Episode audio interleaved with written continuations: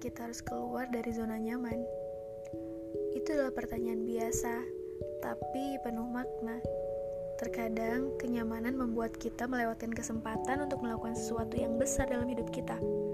Bukan hal buruk kita memiliki zona nyaman, tapi ketika kita terlalu nyaman dengan zona tersebut, itu akan membuat kita menjadi orang yang tidak peka dan tidak berkembang.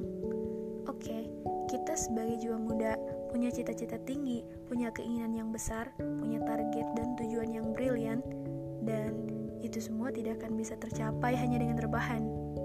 Zona nyaman cenderung menarik kita dari kesempatan yang sebenarnya, jika kita mau beranjak, itu akan membuat kita melampaui apa yang menjadi limit kita.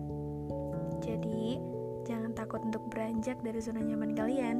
Kita hanya perlu punya keyakinan yang kuat kalau kita mampu keluar dari zona tersebut. Dan tentunya kita harus minta bantuan dari Sang Maha Pemilik hati manusia.